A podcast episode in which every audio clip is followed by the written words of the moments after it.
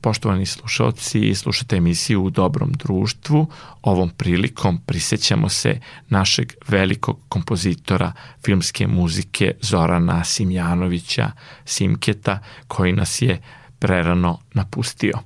Čućemo prvi deo gostovanja Zorana Simjanovića u emisiji U dobrom društvu, zabeležen početkom 2019. godine.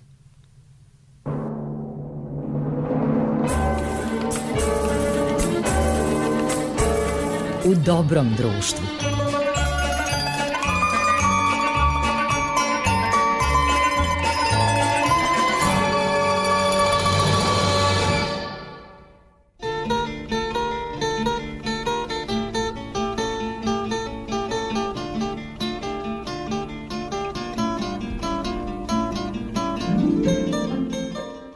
Dobroveče, poštovani slušaoci, dobrodošli u novo izdanje emisije U dobrom društvu. Pred mikrofonom je, kao što ste i navikli, vaš domaćin Goran Vukčević, a za mix pultom Dalibor Vidović. Gosta u čijem ćemo društvu biti ovog i sledećeg petka ne treba posebno predstavljati. Ako vam kažem da je to Morikone jugoslovenskog i srpskog filma, znaćete da je reč o Zoranu Simjanoviću. Pregršt divnih, nezaboravnih muzičkih tema i numera u jugoslovenskim e, i srpskim antologijskim ostvarenjima. Svi znamo pesmu Floyd, ali i mnoge druge koje su obojile filmove, a rado se i ovako sluša. Naravno, Zoran Simjanović je stvarao i za televiziju i za pozorište zaista jedan neverovatan opus zato nije bilo dovoljno družiti se sa njim samo u jednoj emisiji. Dakle, u dobrom smo društvu kompozitora Zorana Simjanovića.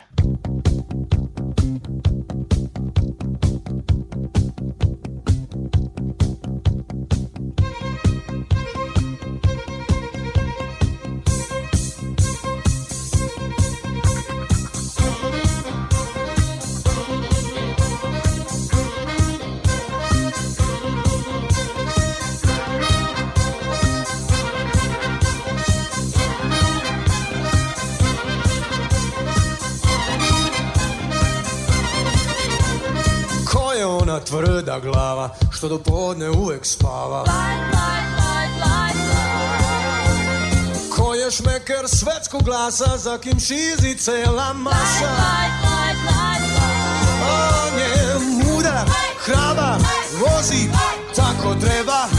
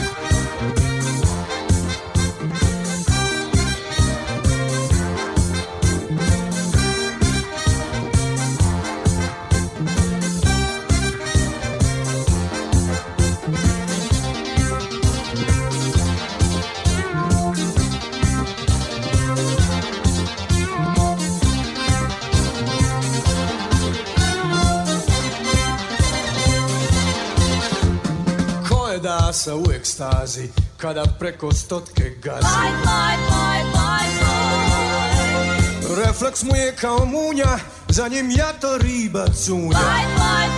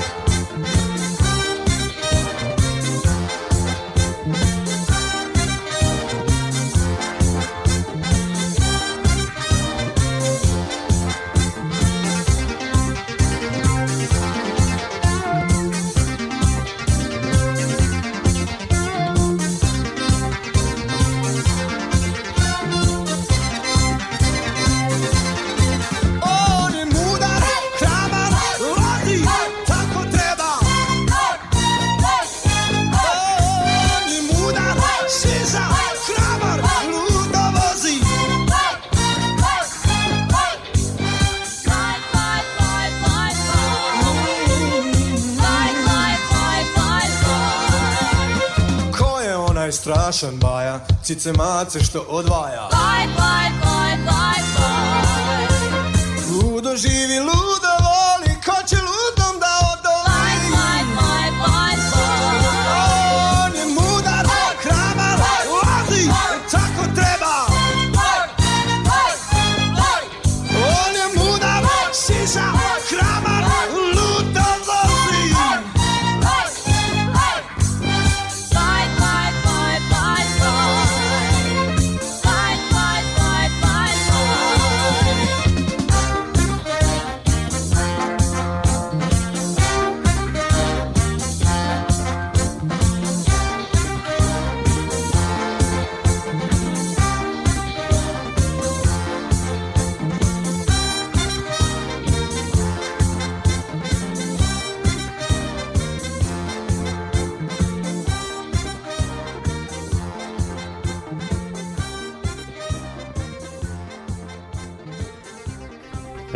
E, zaista, k- kako bih rekao, impozantan opus.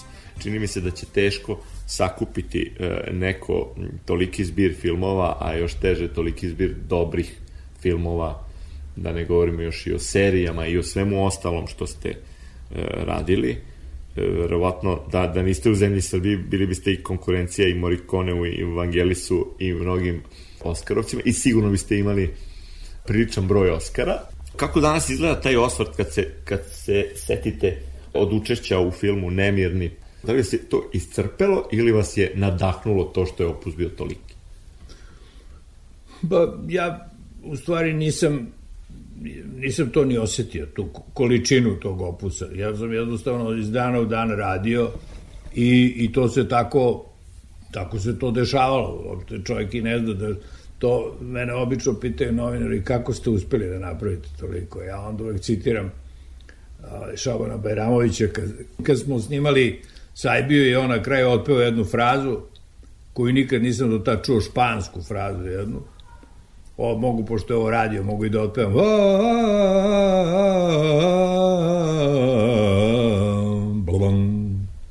Mi spustimo Leglera i ja kažem, odakle ti ovo, kaže. Otku znam, kaže Šaban. Tako da i ja isto odgovaram, kako ste to napravili, otku znam. Radilo se pa se napravilo.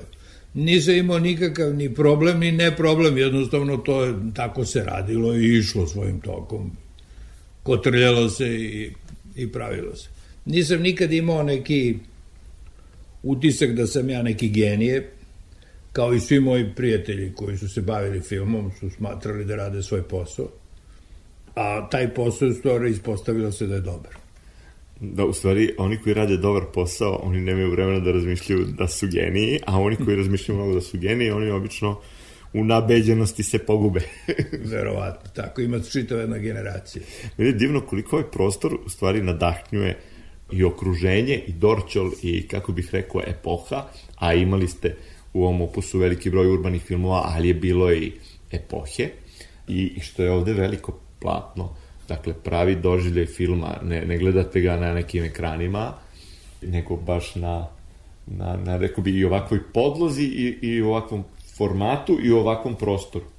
Pa, mislim, jednostavno jednog dana sam, moj studij je inače bio ispod dole, a ovo je bio tavan i jedno jutro izađem iz spavaće sobe i čujem nešto lupa u studiju i shvatim da da u stvari pada kiša koja prokišnjava kroz tavan i pada na moj synthesizer koji je srećom pokriven najlonom. I onda sam podmetao neke šerpe i lonca ovde na tavanu i shvatio da mora nešto se uradi, a onda kad sam krenuo da sređujem krov, onda sam napravio taj studio. Osnovna stvar za rad je studio. U stvari, ceo sistem studija je uopšte promenio način razmišljanja oko muzike. Više se, mu- muzika je nekad pisana samo za muzičare, a sad se muzika piše za semplove, za elektroniku, za sve ostalo, tako da ko se ne, ne snalazi u elektronici u tome, ne mora da radi, ali da zna šta treba da uradi. Ja sam počeo da radim sam, pa sam onda shvatio da mi pola mozga odlazi na tehniku, a pola mozga na kreaciju. Onda sam uzeo tehničare, inženjere koji rade za mene, ja samo kažem daj mi ovo, daj mi ono i tako mnogo brže radim i kvalitetnije. Ceo mozak koristim samo za kreaciju. Tako da je to e, neophodno u, u današnjem svetu jednostavno poznavati kompletan sistem. Nekad se smatrao da je romantičarski orkestar najveći orkestar na svetu. Sad se tvrdi da je to filmski orkestar koji ima, pored tog kompletnog romantičarskog orkestra, ima i mnogo povećan neki deo, plus elektroniku, plus semplove, plus svašta. Tako da je film sad postao jedna vrlo ozbiljna stvar što se tiče muzike i meni je to dobro, što sam se tako odlučio još pre 55 godina. da, jedan kolega koji koji je direktor fotografije, on recimo tvrdi e, svaki scenariju kad pročita na taj određen način treba da se snimi taj film i to je jedan koji je pravi način, a ostali su pogrešni. Da li već u scenariju određena atmosfera zahteva baš određenu muziku ili koliko tu ima prostora za, kako bih rekao, vašu intervenciju? Pa ima, ja prvo tražim da mi reditelj ispriča scenariju pa ga onda čitam Jer kad mi reditelj priča scenario, onda je, znam šta mu je najvažnije. I onda tačno znam šta je hteo da napravi tog scenarija. Možda kad bi ja samo čitao scenariju, možda bi video nešto sasvim drugo, što reditelj neće. A meni je bitno da uradim ono što reditelj hoće ili ako je moguće, ako mislim da je to strašno važno, da mu pomerim malo to njegovo razmišljanje u jednom drugom pravcu, pa da zajednički napravimo nešto drugo. Slično tome, jel? To isto samo samo u jednom drugom pravcu možda, ne znam. Moji reditelji s kojima sam radio obično su mi pričali već na početku, znači pre scenarije, kad imam jednu ideju da radim jedan film sa tim i tim i tako i tako i mi onda već počeo pričamo o muzici. Tako da, zato te muzike dobro funkcionišu, jer, su, jer ta češka škola s kojom sam ja počeo da radim, pa kasnije i Beogradska, su shvatili muziku ozbiljnije nego što se to ranije shvatala. Ranije se muzika shvatala kad završimo film, onda treba neko stavi muziku. E, Česi su Treba već... da ima muzike, da. E, onda su Česi došli i počeli da pričaju o muzici od početka, što je prava stvar, ili onda muzika organski se vezuje sa, sa filmom i ima sasvim drugi značaj nego kad ti naknadno dopišeš, može da se desi i to naknadno dopisivanje bude dobro, recimo Boška Buhu sam ja naknadno, praktično film je već završen, snimljen, montaža rađena, I moguće da, je, da su oni imali već nekog kompozitora koji nije zadovoljio, pa su onda zvali mene, ja sam napravio tu odličnu muziku za Boška Buhu, ali obično sam radio od početka. Kad ste te pomenuli Prašku školu i taj rad od početka, ona čuvena priča da ste u stvari imali onu balkansku temu, za koju se autori nisu odlučili, u stvari nije se Điđa odlučio. Oni su me demokratski bio, da. preglasali, Branka Čeperac i Điđa su me preglasali i ja sam imao te dve teme, jednu ovu i jednu tu balkansku. Meni se ta balkanska više sviđala, zato što je baš onako vukla na, na, na nas Balkance na neki način. Međutim, oni su me u stvari i spasli. I zato je vrlo bitna ta saradnja reditelja i, i kompozitora, zato što neki put kao što kompozitor može da spase reditelja u nekim situacijama, tako reditelj može da spase kompozitora, da se ne upetlja u nešto što bi mu posle donalo užasne teškoće. Kako bi ja tu balkansku temu svirao posle kao kafansku muziku, kao uh, Lambert Vog, kao Harikene, kao sve ono kako se ta tema javlja kasnije u filmu, to bi bilo skoro nemoguće ili ne znam ja kako bi to uradio. Tako da je u stvari velika sreća što su me oni demokratski nadglasili u montaži i zaključili da je ova tema bolja, što se ispostavilo i kasnije. Da, mene kopka u stvari samo kako je zvučila ta tema koja do danas nije iskorišćena. Zvučilo je fenomenalno, ali gde god sam pokušao negde da eventualno stavim, nije funkcionisalo. Da to je ono što si malo pre možda rekao, da ono što je za nešto napravljeno, to je za to, a nije za nešto drugo. Prihvatit ću ako ne želite. Da, naravno, zviždućete tu neiskorišćenu balkansku temu. Ne može to. I ne treba, slažem se, ali, mora, ali mogu da pitam. Pa dobro.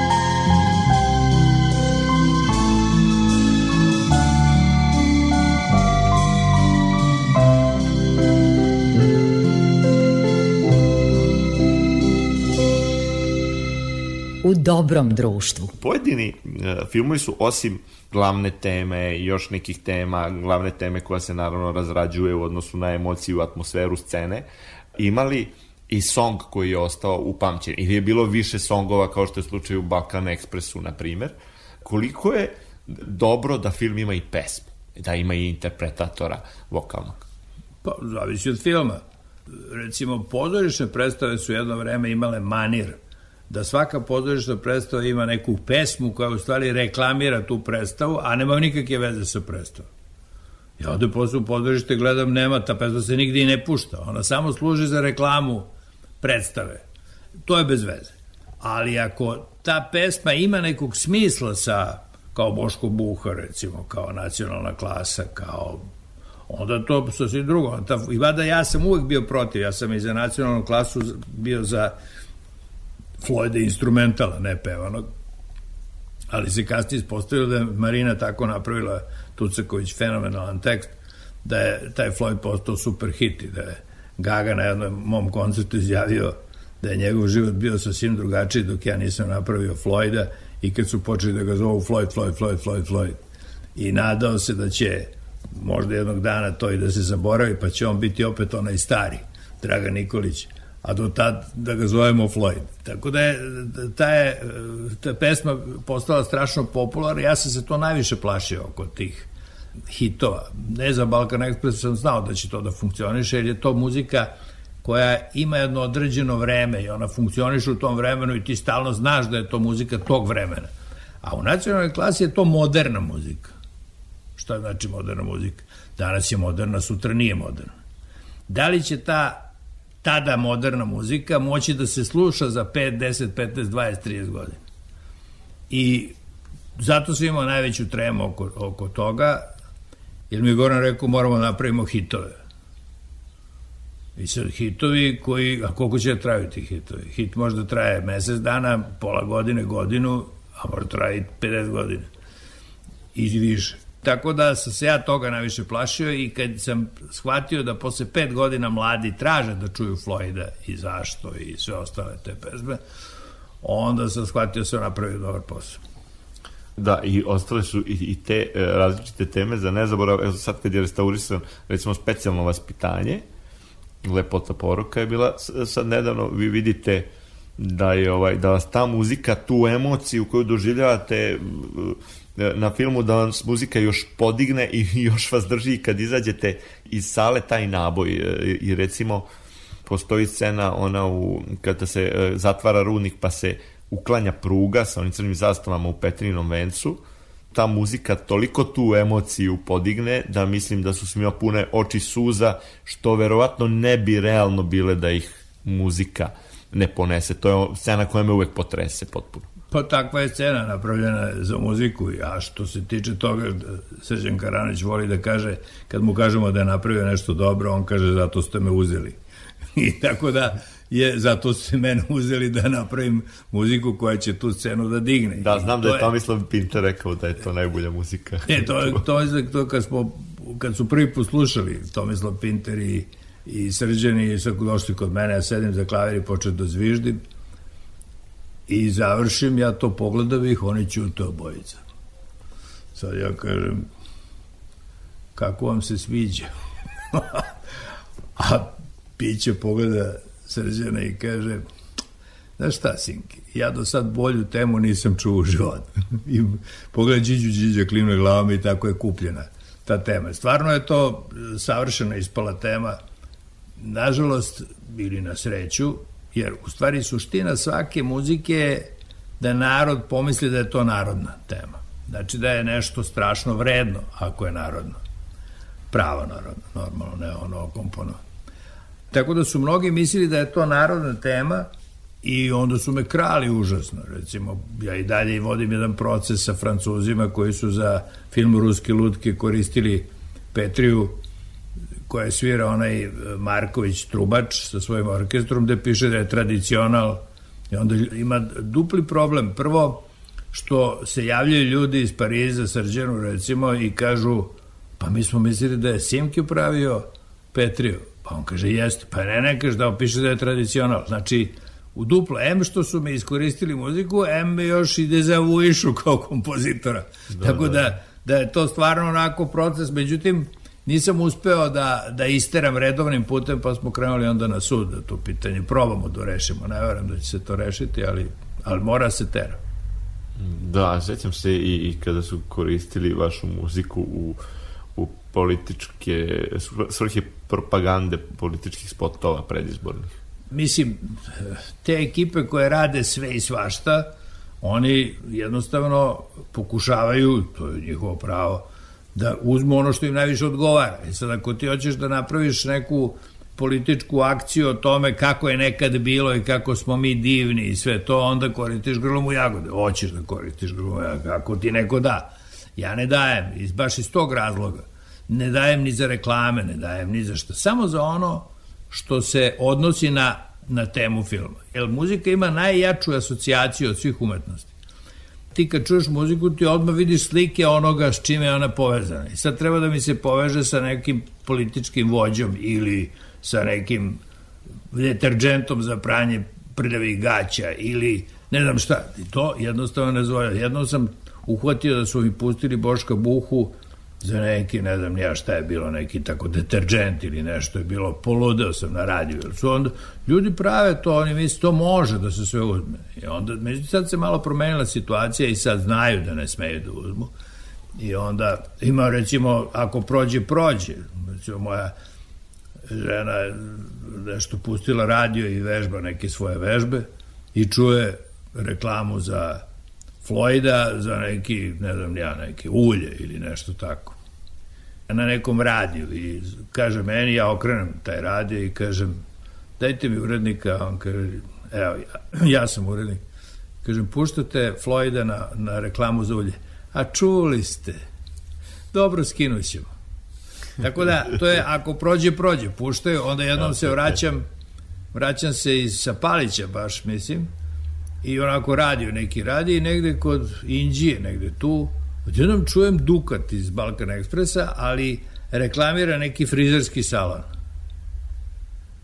I ne mogu da verujem, ja onda okrenem sutra da radio čuo, Inđiju da. i kažem ljudi, o da, pa tu su nam oni dali, pa znam, ali ne možete da koristite. Dobro, hvala, nećemo više sad, da li nisu koristili, ne znam, ali u svakom slučaju ta krađa je jednostavno, e, svi probaju da ukradu i ovi lopovi po tramvajima kradu i ovi svako pa dok ih ne uvate ili dok se nešto ne desi. ima, ima umetnika koji su se krađama proslavili Jest. i obogatili.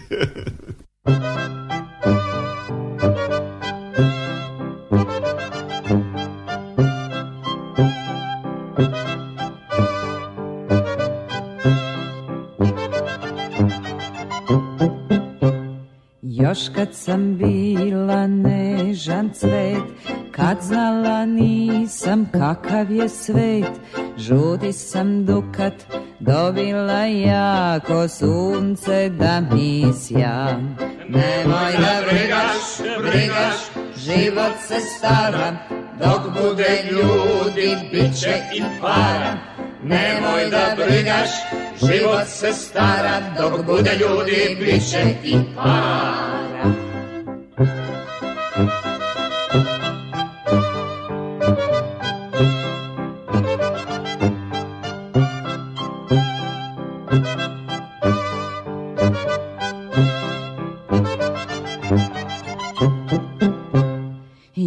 Sam sama šetala, zlatni dukat izgubila, prošlo je mnogo dana od tad, zbog njega plačem sad. Nemoj da brigaš, brigaš, život se stara, dok bude ljudi, bit će i para. Nemoj da brigaš, život se stara, dok bude ljudi, bit će i para.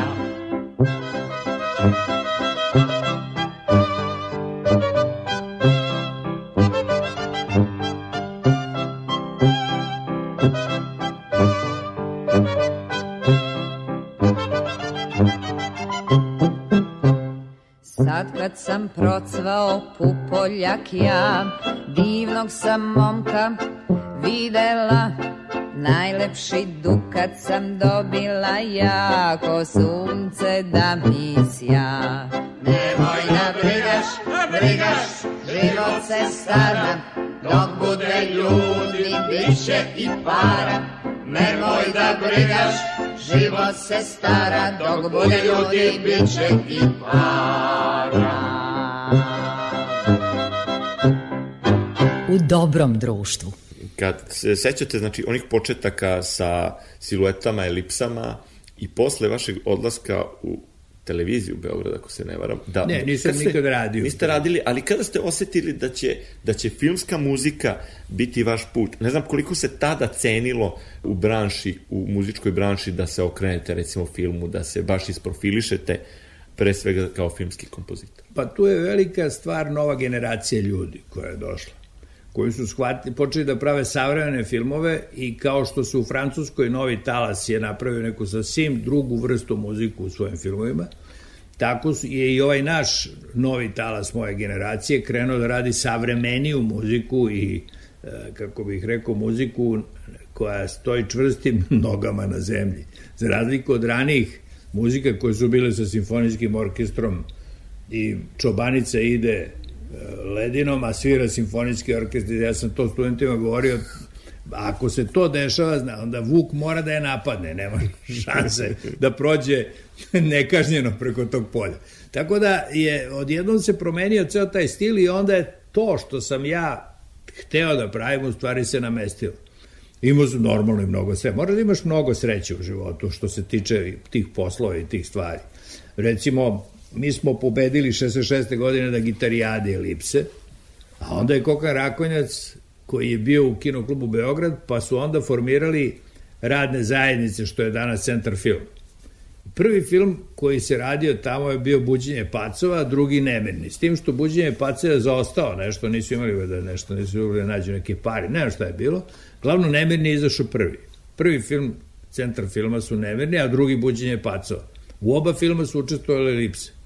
U Nemirnima u kompletnoj muzici svirali smo kompletnu muziku Zorana Hristića, a u ovom drugom uh, Buđenju pacova mi sviramo kao orkestar u, u nekoj kafani gde je neki, neki prijem za neki, neko preduzeće i onda Makavejev svom direktoru predstavlja orkestar koji će da svira ono što su se dogovorili, brigadirske pesme u modernom aranžmanu. I to je Žika Pavlović čuvao, valjda to i teo da ubaci tu i, i to. I, znači, u ta dva filma smo, u prva dva filma, centar filma smo učestvovali, onda su me zvali reditelji montažeri, Vuk Salukovac i Koka su me zvali da dođem, da im kažem gde mogu da iseku nešto i šta da urade.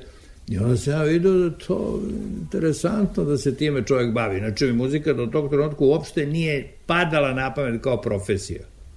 Jednostavno, mi se sad igramo, snimat ćemo i ploče neke i kad budemo matori, te ćemo ploče da slušamo i smejaćemo se šta smo radili. Međutim, u stvari su okrete stvar u jednom, tako da čovjek nikad ne zna čime će se baviti i ona poslovice nikad ne reci nikad, nemoj nikad da kažeš nikad, jer nikad se ne zna šta će da se stvarno desi.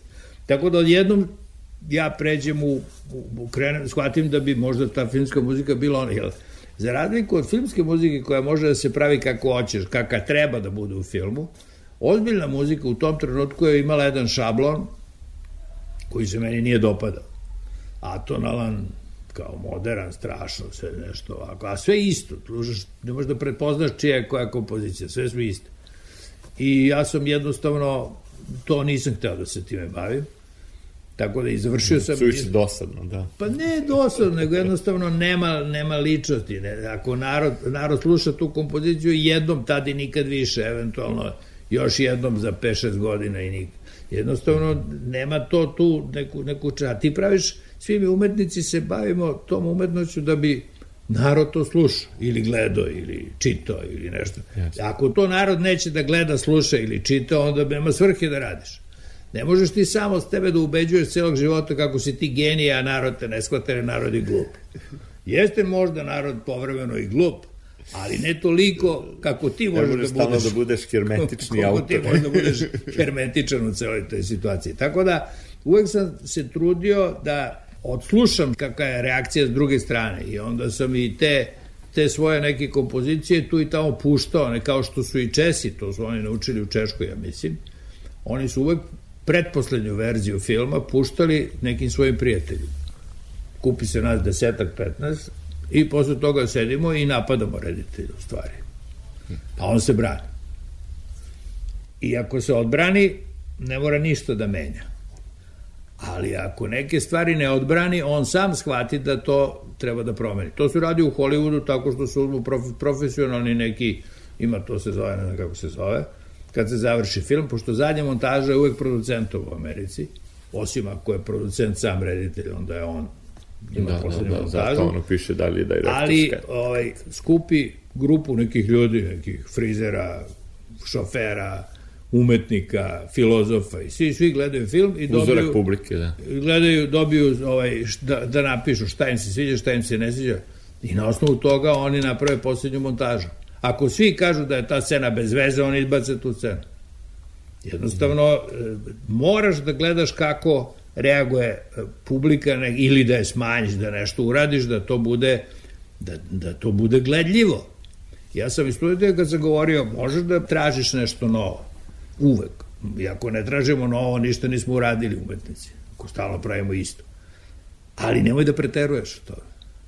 Da. Jednostavno, trudi se da pomeriš malo stvar, ne preterano, tako da publika popije taj tvoj pomeraj, toliko koga si pomerio, shvati da je to dobro, da je to ovako, dopadne se sve to, idemo dalje.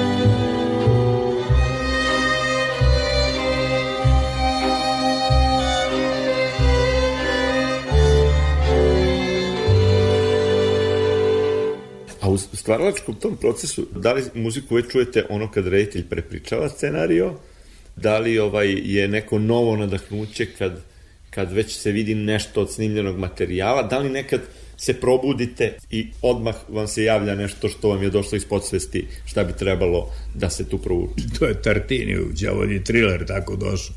Kaže, bar tako je pričao. Moja teorija je isto da takve stvari se pričaju novinarima, a inače se radi ozbiljno. Da. znači, ti ovaj, možeš da pričaš kako je baš sam se probudio i palo mi na pamet genijalna tema, ali u stvari nije to tako, nego je ti kuvaš, to ja, sam, ja bar tako radim, ima ljudi koji rade drugačije, ja radim tako. Meni se ta priča kuva u glavi, kuva, kuva, kuva, kuva i posle tog vremena kad dođe onaj trenutak da mora da izleti, onda izađe. I onda je tako, tako i Grmu Jagode praktično premijerno je odzviždan u klubu književnika Srđanu Karanoviću i on je rekao, to, to je to. I strašno sam se plašio jer je taj Gromu Jagode, ta serija je trebao da radi neki drugi kompozitor i onda se taj nije pojavljivao da se dogovara sa Srđanom i onda je on rekao neće da radi, tražimo nekog drugog. I ja mislim da je Goran Marković kojim sam ja već tad radio i neku seriju o Ivi Andriću i gomilu nekih emisija, pesničke vedrine i nešto tako, on je rekao, pa uzmi Simkita i onda je on, a mi smo se znali još iz osnovne škole, mi smo išli u istu osnovnu školu, ali nismo sarađivali, bili smo u, domu pionira zajedno i tako. Sve je tu neki, postoje neki odnos, recimo u tom domu pionira na Jakljanu, čuvenom ostrovu kod Dubrovnika, Srđan Karanović je režirao Čarlijevu tetku, ja sam svirao neku gitaru koju sam uzao od nekog Ratka i tu sam i naučio akorde i da nešto, ja sam vidio da on ne može da prati to kako treba. Nije bilo klavire, normalno. A Cveja, Cveja je igrao glav, jednu od glavnih uloga. I odjednom posle 15 godina ili ne znam koliko ta ista ekipa pravi grobu jagod. Ali sasvim slučajno, znači ovo se desilo kako se desilo, ja sam sad imao strašnu tremu. Moram napravim muziku koju niće nikom da primeti ništa loše. Mora bude genijalna muzika da bi prošlo ta uh, srđanova želja da mu ja pravim tu muziku. I prvi put sam se molio Bogu samo da ispadne ovo zbog Điđe, ne zbog mene. Tako je to krenulo, a onda posle je išlo samo od sebe. Da, vaše muzike su gotovo sve upamćene. Ono, ono što neki kažu, muzika ne sme da se čuje, ali vi ste rekli, ona mora da se upamti, ona ne treba nigde da Smeta. da smeta filmu, da, ne treba nigde da iskače, da, da, da, da se ne utapa, ali opet... Zavisi od scene. Znači imaš scenu gde muzika treba ispod, samo da dočara atmosferu. Ja sam radio neku emisiju 70. godina sa Mićem Markovićem smo radili, pa sam za jednu scenu američkog filma napravio tri muzike, koje imaju potpuno različito okreću tu scenu. Po jednoj sceni je ljubavna, po jednoj sceni će onda je ubije, po jednoj sceni ne znam šta će da bude. Tako da muzika može potpuno da okrene stvar u filmu. E sad, treba da se radi tako da, da ra, muzika radi ono što reditelj hoće da mu se desi u toj sceni. I ako tako radi, onda ona treba da bude neprimetna u smislu da ne smeta, ali mora da stvara to što se dešava, taj osjećaj koji treba da se desi. A ima situacija kad muzika mora bude u prvom planu, recimo u Mirisu poljskog sveća, kad ludi, ono, narod poludi na kraju, kad dumba, dumba, dumba, dumba, dumba, kad to sve tutnji od muzike, sve to tu, muzika je važnija od svega ostalog, ovo ostalo se okreće u muzici pa oni sviraju na narodnim instrumentima, pa duvači sviraju miris kola i tako dalje, tako dalje. Tako da ima raznih tih načina korišćenja muzike, ali u svakom slučaju to mora da se vrlo da, da, da. pametno odredi kako se ta muzika Da li koristi. nosi emociju glavnog junaka, kao što je baš u mirisu poljskog cveća, mi sve njegove nedoumice osetimo u toj glavnoj temi koja se lomi, ono Jest. kada idu oni šleperi Dunavom. Jeste. Ta ideja o tim šlepovima i o toj vodi, zato me je najviše okrenula u takvu temu. Ja sam napravio ovaj, srđanu tada ovaj radni snimak jedan, pa je on praktično tačno znao kako će muzika da izgleda i zato je vuko te lagane kadrove ovaj, kamere po Dunavu, pa onda prati taj šlep, pa ide, jer zna kako ta muzika izgleda.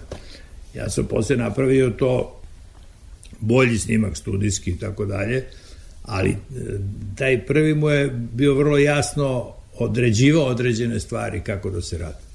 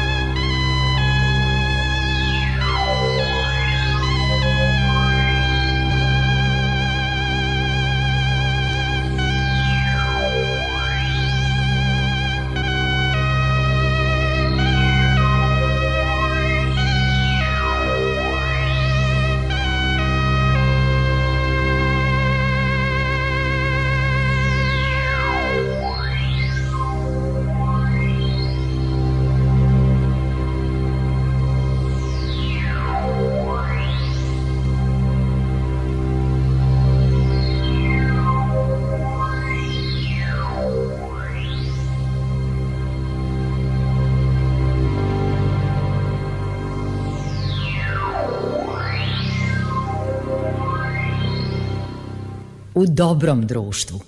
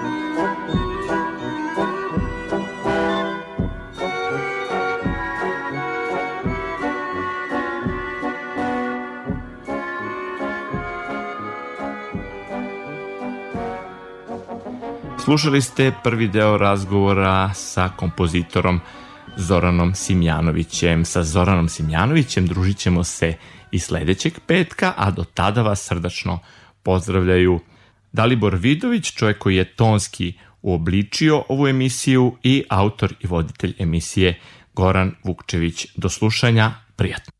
Igrajmo najlepšu igru Nek radost mi ispuni grud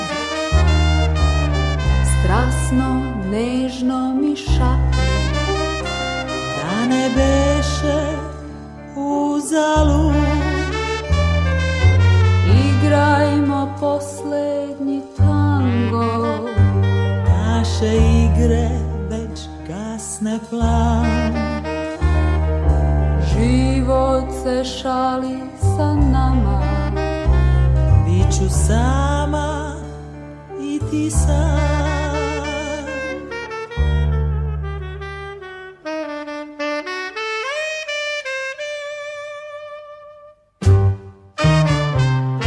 Daleke jecaju zvezde, mio se gasi sjaj. Srce mi već dugo sluti, svemu će doći kraj.